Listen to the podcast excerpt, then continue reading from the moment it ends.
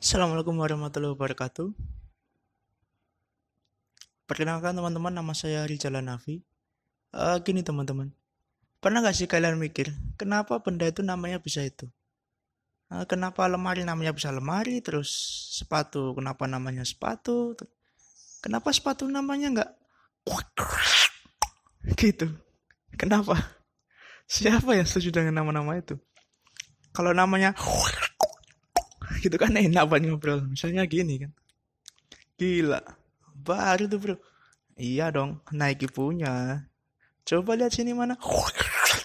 Lo gitu kan enak. Uh, tapi uh, tapi setelah dipikir-pikir memang ada beberapa benda yang penamaannya itu dilihat dari wujudnya. Mentega contohnya. Warnanya kuning lembek. Pantas sih kalau kalau orang Inggris nyebutnya butter.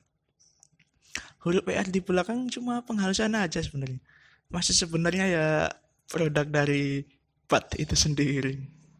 Assalamualaikum warahmatullahi wabarakatuh.